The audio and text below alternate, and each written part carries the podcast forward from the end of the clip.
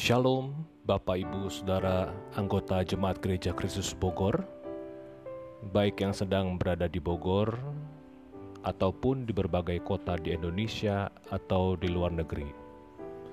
Semoga kita semua dalam keadaan sehat jasmani dan rohani.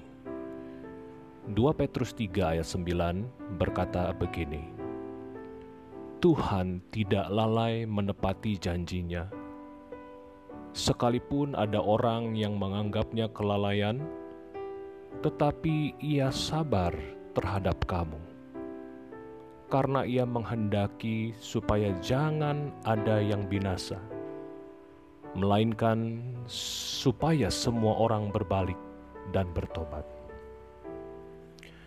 Bapak, ibu, saudara-saudara, pandemi COVID-19 membuat banyak orang beragama bertanya-tanya, "Inikah tulah dari Tuhan karena manusia sudah sedemikian berdosa? Inikah murka Tuhan yang sedang tumpah?" Mungkin saja, tapi saya pikir tidak ada seorang manusia pun yang bisa memastikannya. Hanya Tuhan yang tahu yang kita tahu, ketika Tuhan murka, itu bukanlah karena Ia membenci manusia. Bagaimana mungkin Tuhan membenci manusia? Tuhan rela menjadi manusia, menderita sengsara, dan mati disalibkan untuk manusia. Mana mungkin Ia rela melakukan semua itu jika Ia membenci manusia? Allah adalah kasih. Ia tidak bisa tidak mengasihi. Sekalipun kita tak kunjung berhenti berdosa, Tuhan tak akan pernah berhenti mencintai kita, karena Ia adalah kasih. Itulah sebabnya Allah tidak menghendaki ada seorang manusia pun yang binasa.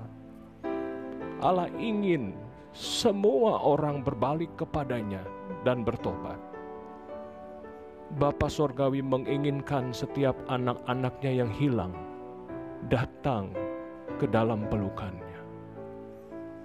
Apakah pandemi COVID-19 adalah murka Tuhan?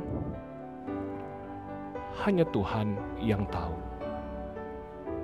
Yang kita tahu, Tuhan menghendaki setiap orang berbalik kepadanya dan bertobat setiap orang, saya dan saudara, tua atau muda, kaya atau miskin, berpendidikan tinggi ataupun tidak, aktivis gereja ataupun bukan, pendeta ataupun jemaat, semua orang, Tuhan menghendaki semua orang bertobat.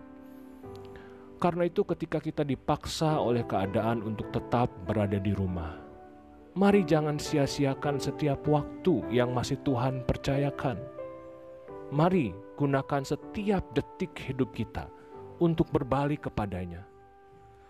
Carilah wajahnya. Bertekunlah dalam doa, bukan hanya mendoakan diri dan keluarga kita sendiri, melainkan juga orang-orang lain yang sedang berjibaku menghadapi pandemi ini. Para pasien, keluarga para pasien yang telah meninggal, para tenaga medis, pemerintah, dan seluruh umat manusia.